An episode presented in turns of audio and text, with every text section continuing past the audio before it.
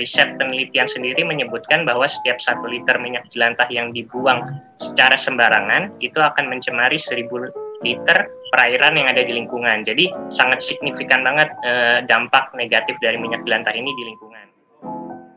Hai Earth Heroes, kembali lagi di Earth Talk bersama aku Monica dari earthhero.id. Di mana di sini kita bakal ngobrol seru seputar sustainability dan nasib warga bumi. Dan hari ini aku nggak sendirian nih.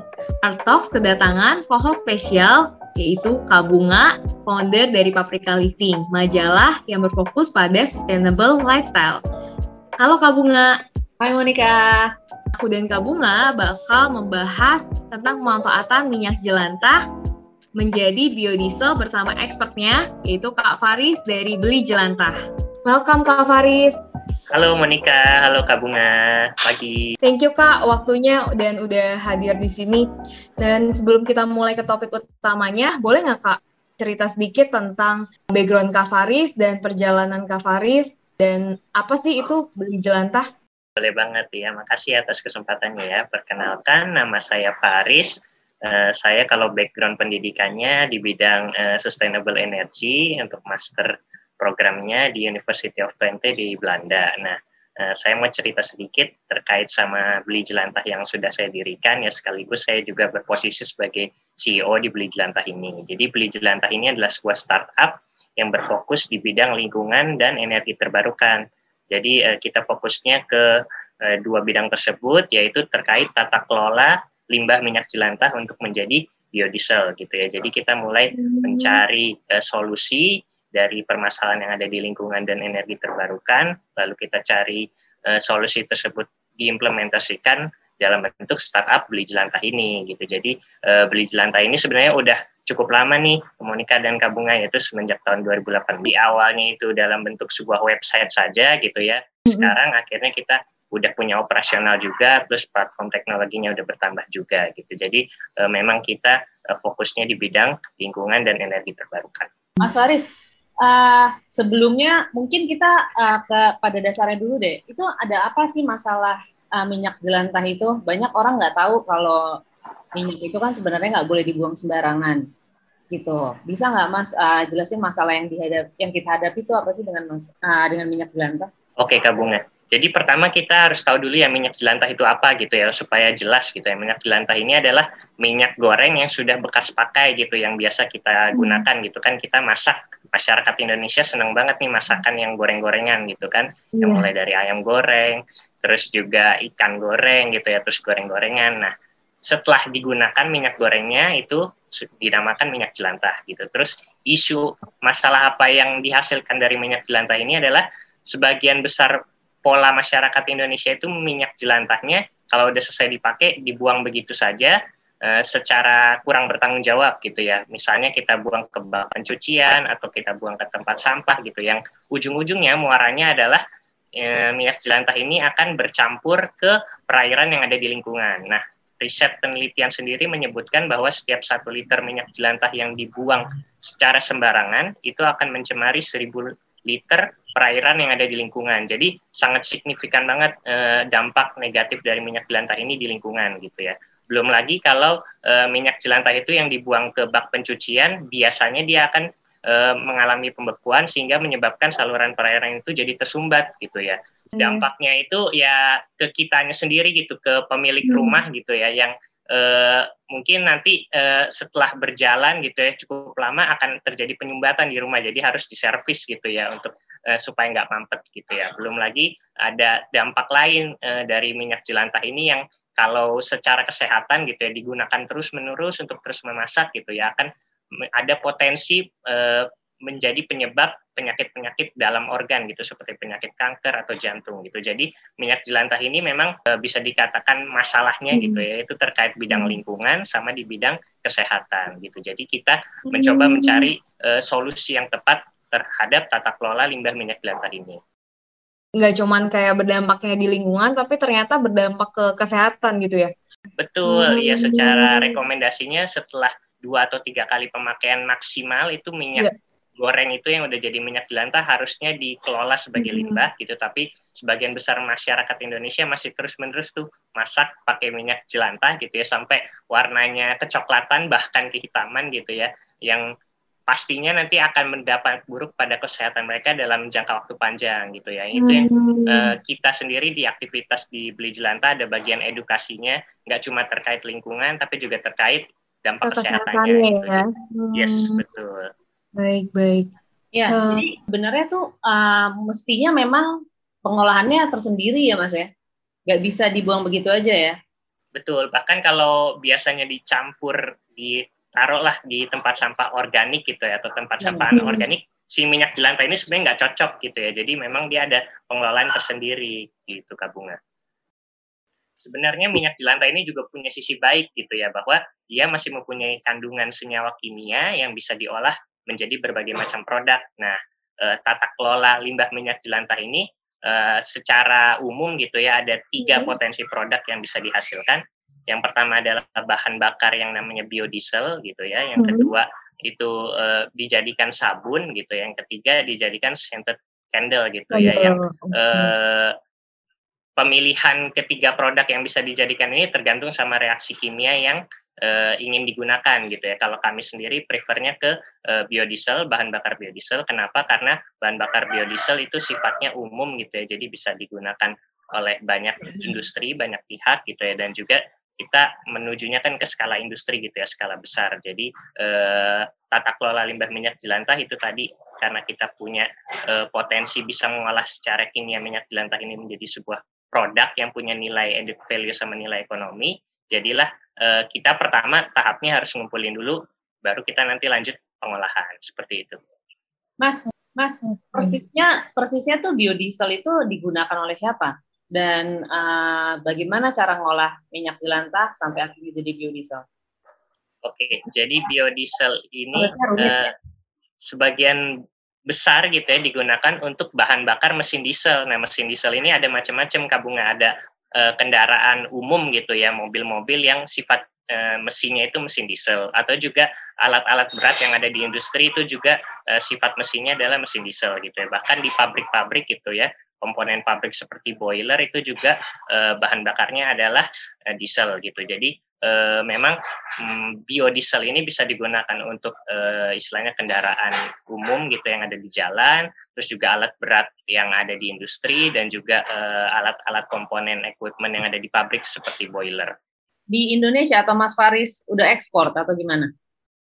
Nah, kalau kebetulan kegiatan yang kami lakukan sendiri ini untuk hmm. bagian uh, pengumpulan minyak jelantah. Lalu kami ada partner yang uh, nantinya akan mengekspor untuk diolah menjadi biodiesel di negara tujuan eksportir. Itu nanti uh, kita bisa uh, jelaskan juga kenapa sih kita memutuskan untuk ekspor gitu ya. Karena ternyata uh, Indonesia uh, sayangnya masih belum punya tata kelola secara regulatory framework gitu ya, policy kebijakan yang mendukung terkait e, minyak jelantah untuk jadi biodiesel gitu. Sedangkan di luar sana gitu di negara tujuan ekspornya e, sudah ada nih peraturan terkait pengolahan hmm. minyak jelantah menjadi biodiesel. Maka e, sampai saat ini progres yang kita lakukan adalah kita e, punya partner yang akan mengekspor menjadi bahan bakar biodiesel di luar sana tapi juga kita uh, mengedukasi terus uh, berdiskusi sama pemerintah gitu ya untuk hmm. bisa uh, mengimplementasikan program minyak jelantah menjadi biodiesel ini di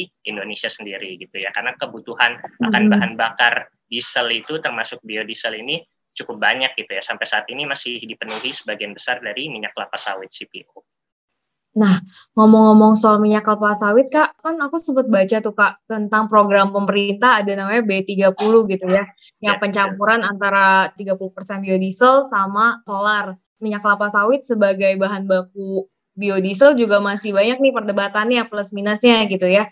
Nah, apa sih Kak peran minyak jelantah untuk mengimbangin uh, misalnya plus minusnya minyak kelapa sawit diolah menjadi biodiesel gitu? Oke, jadi pertama kalau dari segi produk sendiri, biodiesel hmm. dari kelapa sawit dan biodiesel dari minyak jelantah itu kualitasnya sama karena kan udah ada standarnya ya? gitu ya, standar hmm. secara SNI maupun standar internasional misalnya ASTM. Hmm. Nah, bedanya adalah biodiesel dari minyak jelantah itu ternyata pengurangan emisi karbon CO2-nya itu jauh lebih besar dibandingkan uh, biodiesel dari kelapa sawit gitu ya. Bahkan kalau dikutip dari uh, datanya Uni Eropa gitu ya, Komunis, hmm. Komisi Uni Eropa bahwa pengurangan emisi biodiesel berbasis jelantah itu bisa sampai 83% dibandingkan uh, bahan bakar diesel biasa gitu. Sedangkan biodiesel dari sawit itu pengurangan emisi CO2-nya cuma kisaran 40 sampai 50 persen gitu ya. Jadi oh, jauh, jauh ya? lebih signifikan iya, uh, biodiesel berbasis jelantah gitu ya, yang hmm. sampai 83 persen.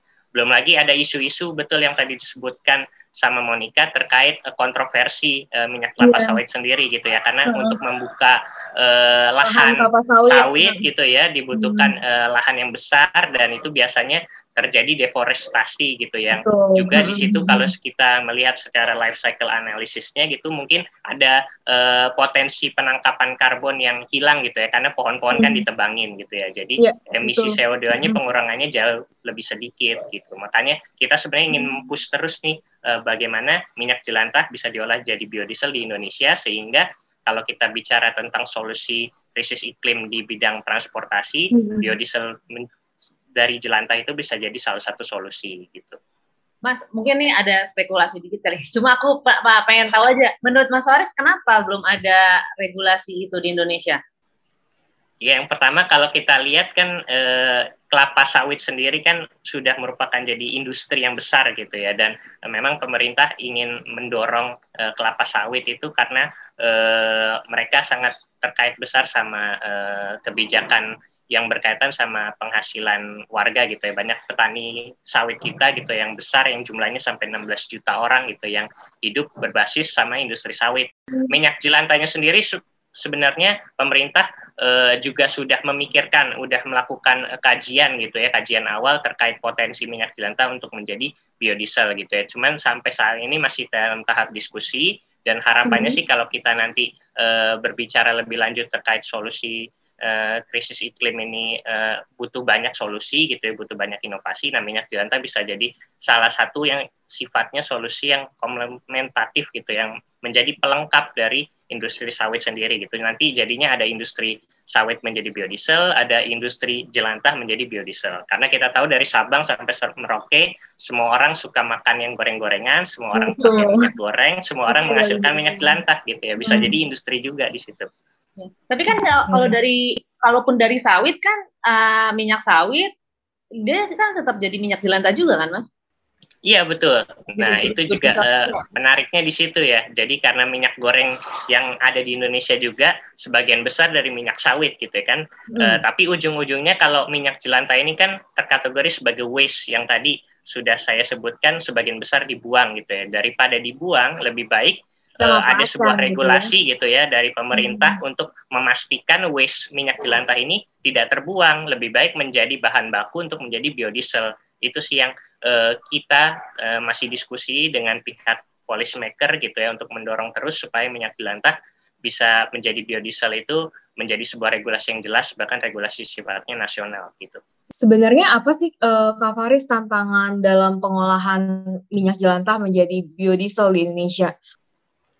Tantangan utamanya kalau kita bicara biodiesel dari jelantah yang berbasis nasional adalah dari kepastian suplainya sendiri. Karena kita tahu penghasil minyak jelantah ini kan ribuan hmm. bahkan jutaan gitu ya. Masuk dari restoran, hotel, bahkan juga dari kita sebagai individu gitu ya. Dan hmm. bagaimana cara memastikan kita bisa mengumpulkan minyak jelantah ini secara kontinu gitu ya.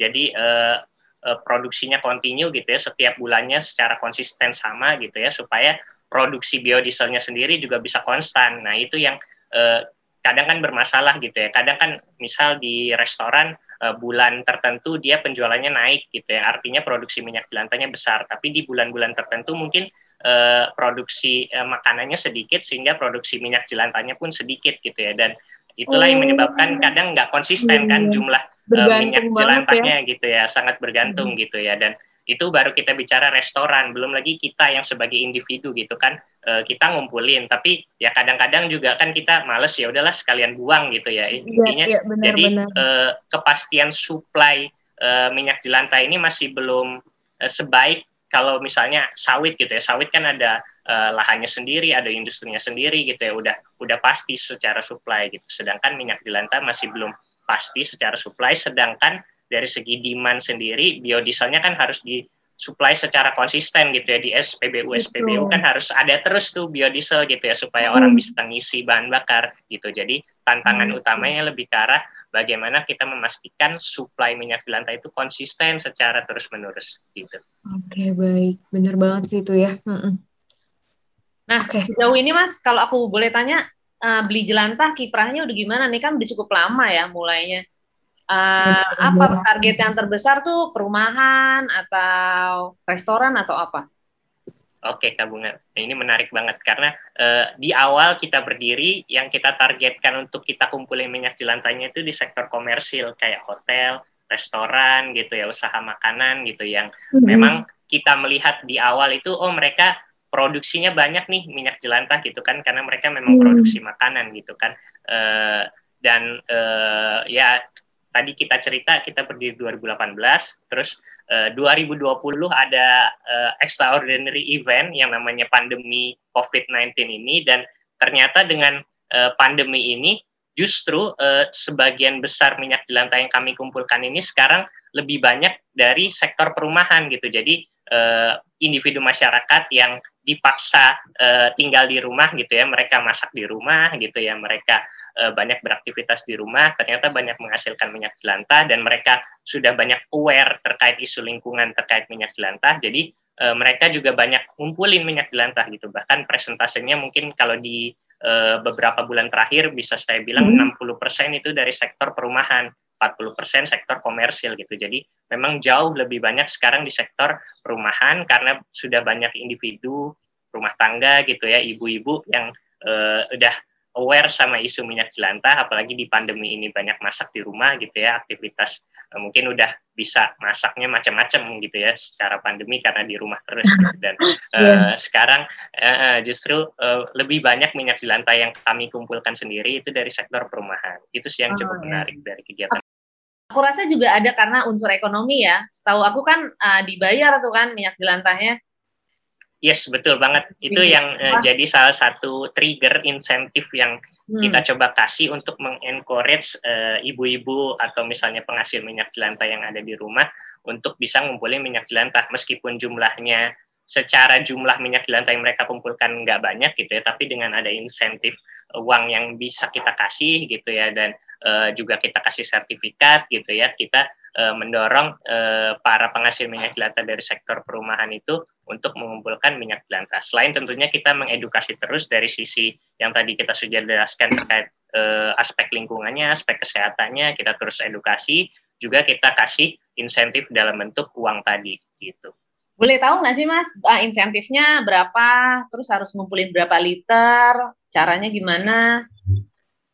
Oke oke. Jadi kalau uh, secara base case-nya kita kasih uh, itu eh, dua ribu rupiah per liter gitu ya untuk setiap liter yang dikumpulkan gitu ya dan uh, itu sebenarnya bergantung juga sama jumlah yang mereka kumpulkan terus juga nanti kita bicara kualitas minyak jelantahnya meskipun sampai saat ini hampir semua minyak jelantah yang kita kumpulin dari perumahan itu bagus-bagus gitu ya dalam arti uh, masih nggak terlalu hitam juga tergantung dari daerah operasional kita. Nah daerah operasional kita sendiri ini Kabunga sampai saat ini ada di Jakarta, semua Jakarta gitu ya. Terus juga ada di Bekasi, ada di Depok, di Tangerang Selatan dan eh, Tangerang Kota gitu. Jadi eh, kalau eh, para audiens yang ada di sini nanti eh, ada di daerah tersebut gitu, terus masak di rumah dan menghasilkan minyak jelantah, monggo silahkan kumpulin minyak jelantahnya, nanti kontak ke kami gitu ya platform yang kami miliki, ada website, ada Instagram, ada WhatsApp gitu ya. Nanti uh, silahkan tanya lebih lanjut untuk berikutnya kita untuk jadwalkan penjemputan. Gitu. Oh, jadi tinggal kita tugasnya cuma ngumpulin doang ya? Nanti. Iya, jadi eh, nggak uh, usah repot-repot, cukup ngumpulin di rumah aja gitu ya. Terus tinggal kontak kami, nanti tim operasional kami yang siap jemput, memverifikasi dan juga siap ngasih insentif dalam bentuk duit tadi. Ada minimumnya nggak? Masa satu liter gitu dijemput? Nggak dong? Nah, ya biasanya itu kami kasih minimumnya sekitar 5 liter gitu ya. Jadi eh, nggak usah ya? khawatir, silakan aja ngumpulin gitu ya. Kalau nggak sampai 5 liter pun uh, bisa uh, sama tetangga-tetangganya gitu ya ngumpulin secara kolektif. Yeah, Atau yeah, kalau yeah. memang nggak bisa 5 liter gitu nanti kami ada cara lain juga karena kami juga kebetulan ada kerja sama sama kurir online gitu yang uh, siap buat jemput gitu ya jadi meskipun jumlahnya kecil masih memungkinkan untuk dijemput uh, gitu. Jadi jangan khawatir. Yang penting teman-teman uh, bisa uh, istilahnya uh, coba kumpulin dulu aja minyak jelantah yang ada dihasilkan di rumah gitu. Ya apalagi masa pandemi ini masih sering banyak masak di iya. rumah gitu ya. Nanti kita coba cari solusinya. Meskipun jumlahnya sedikit pasti kita akan jemput gitu sih. Mas Mas Faris tadi bilang ada soal kualitas. Itu emang beda-beda ya? Ada uh, kualitas yang seperti apa yang dicari yang bisa diterima? Oke. Okay. iya iya jadi uh, secara kualitas beda kabungan tergantung sama uh, jenis makanan yang dimasak gitu ya, sama juga berapa kali uh, minyak goreng itu digunakan gitu ya sampai jadi ya. minyak jelantah. Nah, uh, kalau secara umum sih kami uh, mencari minyak jelantah itu yang uh, pastinya fasenya cair gitu, yang cair gitu karena ada juga minyak goreng yang padat gitu, yang bentuk beku gitu kayak margarin gitu ya. Yang pertama cair, yang kedua adalah sudah disaring gitu ya, sudah disaring dan juga tidak tercampur padatan. Terus juga kalau dari segi penyimpanannya sebaiknya disimpan di tempat yang tidak terkena wadah e, sinar matahari gitu ya, jadi tertutup dari sinar matahari gitu. Jadi syaratnya simpel sih, e, e, fasenya cair gitu ya, terus di, disaring e, sudah terpisah dari padatan dan juga saat disimpan itu disimpan di wadah tertutup yang tidak terkena sinar matahari gitu. Jadi e, kalau misalnya tiga syarat ini terpenuhi, kita siap jemput. Kalau yang kayak abang-abang di abang-abang eh nggak semua abang-abang sih. Cuma kan ada tuh yang gorengan udah hitam banget tuh mas. Itu berarti nggak yeah. bisa nggak bisa dipakai jadi biodiesel gitu. Nah itu uh, untuk sampai saat ini uh, standar untuk uh, pengambilannya kami ambil semua. Tapi di gudang kami juga kami melakukan filterisasi lagi, lagi gitu ya? karena iya hmm. dipilah lagi. Yang pasti adalah kami pertama ingin mengencourage masyarakat terlebih dahulu bagaimana mereka tidak membuang minyak jelantah sembarangan gitu ya. Dan ya. Uh, menurut kami kalaupun mereka udah hitam itu baru tapi tetap dikumpulin itu merupakan effort yang sangat bagus dari mereka gitu ya. Minimal nggak buang secara sembarangan gitu ya. Dan uh, untuk tahap terkait kualitas itu sendiri nanti kita bisa pikirkan kemudian gitu ya. Intinya adalah kita pertama ngubah habit dulu nih bagaimana yang biasanya kita buang jelantah secara sembarangan sekarang kita udah mulai kumpulin. Nah itu merupakan effort uh, reward yang udah besar banget dari kami sendiri kalau kita udah bisa istilahnya mengedukasi masyarakat untuk tidak membuang jelantahnya secara sembarangan gitu ya. Untuk masalah kualitas bisa kita bicarakan nanti gitu. Yang penting eh, kita berubah habitnya menjadi yang lebih baik, terus kita hmm. olah produknya menjadi produk yang punya added value yang baik gitu. Jadi eh, tata kelola limbah minyak jelantah ini progresnya akan terus menerus menjadi lebih baik gitu. Usernya sejauh ini udah berapa mas? Kalau kita bicara sama sektor komersil gitu ya jumlah eh, hotel, restoran itu udah ratusan. Untuk eh, sektor perumahan sendiri eh, bisa dibilang 2.000 sampai 3.000 eh, rumah tangga gitu yang udah pernah ngumpulin ke kami gitu. Jadi eh, jumlahnya cukup banyak gitu dan eh, kami berharap jumlah tersebut akan bertambah lagi gitu ya dengan uh, ya masyarakat jadi aware terkait isu lingkungan, terkait isu kesehatan gitu ya. Terus mereka bergerak bersama gitu ya dan uh, ini merupakan sebuah sistem gitu. Jadi kita mulai dari penghasil minyak jelantahnya, kami bantu dari sisi edukasi, terus juga kami punya tim operasional untuk penjemputan gitu ya. Terus juga kami punya partner yang uh, bisa mengolah gitu. Kami sendiri sih udah ada rencana untuk bisa ngolah sendiri gitu ya, tapi uh, itu mungkin baru di second half 2021 gitu menjelang akhir tahun ini gitu ya karena fokus kami masih di bagian upstreamnya, bagian edukasinya sama bagian midstreamnya bagaimana pengumpulan minyak jelantahnya seperti itu. Wah keren keren. Kak Faris penasaran deh. Jadi mungkin teman-teman yang lagi dengerin di rumah nih uh, pasti ada satu pertanyaan yang muncul kan tadi dijemput ya kak ya dari rumah ke yes. rumah gitu ya. Nah itu uh, ongkirnya apakah ditanggung sama teman-teman di rumah nih misalnya atau hmm. uh, ada subsidi atau gimana kak? Oke Monica, ya jadi kalau masalah ongkir untuk penjemputan itu nggak ada sama sekali gitu. Bahkan oh. uh, kita itu iya, membeli kan minyak jelantah yang. Iya. uh, teman-teman udah kumpulin gitu. Jadi hmm. itu menurut kami uh, salah satu cara kami supaya mengencourage teman-teman supaya uh, ngumpulin minyak jelantah di rumah gitu. Yang perlu dilakukan simpel banget. Cuman kalau udah masak ada minyak jelantah cukup dikumpulin di wadah tuang, yang gitu, ada di rumah gitu ya, tuang gitu ya. Terus ya kalau misalnya jumlahnya tadi udah mencukupi gitu silakan kontak kami kami akan bantu untuk penjemputan gitu. Jadi nggak ada biaya ongkir sama sekali ya, guys. Free ongkir ya. ya. nah, bersih ya, gitu. dicari ya biasanya kalau Iya betul, betul. Mas Waris tadi kan uh, dibilang yes. tuh minyak jelantah kan sebenarnya pemanfaatannya ada tiga ya biodiesel terus mm. di lilin ya sama yeah. satu lagi jadi sabun sabun sabun cuci ya bukan sabun mandi ya Iya, sabun cuci, uh, betul. Ah, Mas, tahu setauku nih kebanyakan itu kan kalau minyak goreng itu dia akhirnya teroksidasi, terus dia menghasilkan karsinogenik ya. Nah, ya, kalau betul, betul. diolah jadi kalau biodiesel sih yang apa-apa kali ya, nggak nggak berhubungan lagi sama kita. Kalau diolah jadi hmm. sabun itu apakah sudah aman? Terus apa benar-benar efektif? Mas Faris uh, ada tahu nggak soal itu? Iya, jadi kalau dari sudut pandang kimia untuk memproses uh, minyak jelantah menjadi sabun itu memang uh, reaksi kimianya adalah reaksi saponifikasi gitu ya, reaksi penyabunan dan memang nanti struktur kimianya akan berubah gitu ya, da, uh, menjadi sabun gitu kan. Tapi memang sabunnya grade-nya adalah grade buat mencuci uh, piring gitu ya atau uh, buat bersihin kaca gitu atau bersihin lantai gitu bukan untuk istilahnya kontak ke tubuh secara secara gitu langsung ya. gitu ya jadi hmm. jadi kalau uh, dijadikan sabun memang uh, penggunaannya itu untuk hal-hal uh, yang berkontakan sama uh, barang gitu ya dan hmm. uh, pun uh, ada isu juga bahwa uh, kadang kalau tangan kita sensitif gitu terkait sabun ya. tersebut yeah. uh, agak nggak cocok gitu ya makanya mm. kami juga memilih untuk menjadi bahan bakar biodiesel gitu karena untuk menghindari isu-isu tersebut gitu karena kan kalau diolah jadi bahan bakar yang menggunakannya itu si mesin mobil atau mesin wow. dieselnya tersebut gitu kan nggak ada kontak sama kita gitu ya manusia gitu ya dan uh, bisa dijadikan skala industri gitu ya kalau jadiin sabun memang skalanya skala rumahan dan juga uh, agak sulit gitu ya untuk mengontrol orang-orang ibu-ibu gitu ya atau penghasil minyak jelantah untuk bisa uh, mengolah secara pribadi uh, minyak jelantah menjadi sabun gitu karena kan itu namanya reaksi kimia gitu ya butuh butuh standar safety khusus gitu ya untuk mengolah menjadi sabun gitu. Jadi Betul. kalau dari kami sendiri sih hmm. merekomendasikannya untuk mengolah minyak jelantah menjadi bahan bakar biodiesel. Hmm. Walaupun walaupun itu sebenarnya inisiatif yang bagus banget ya. Tapi ya, ya keamanannya benar. dan risetnya aku belum pernah baca tuh kalau itu benar-benar aman gitu untuk digunakan.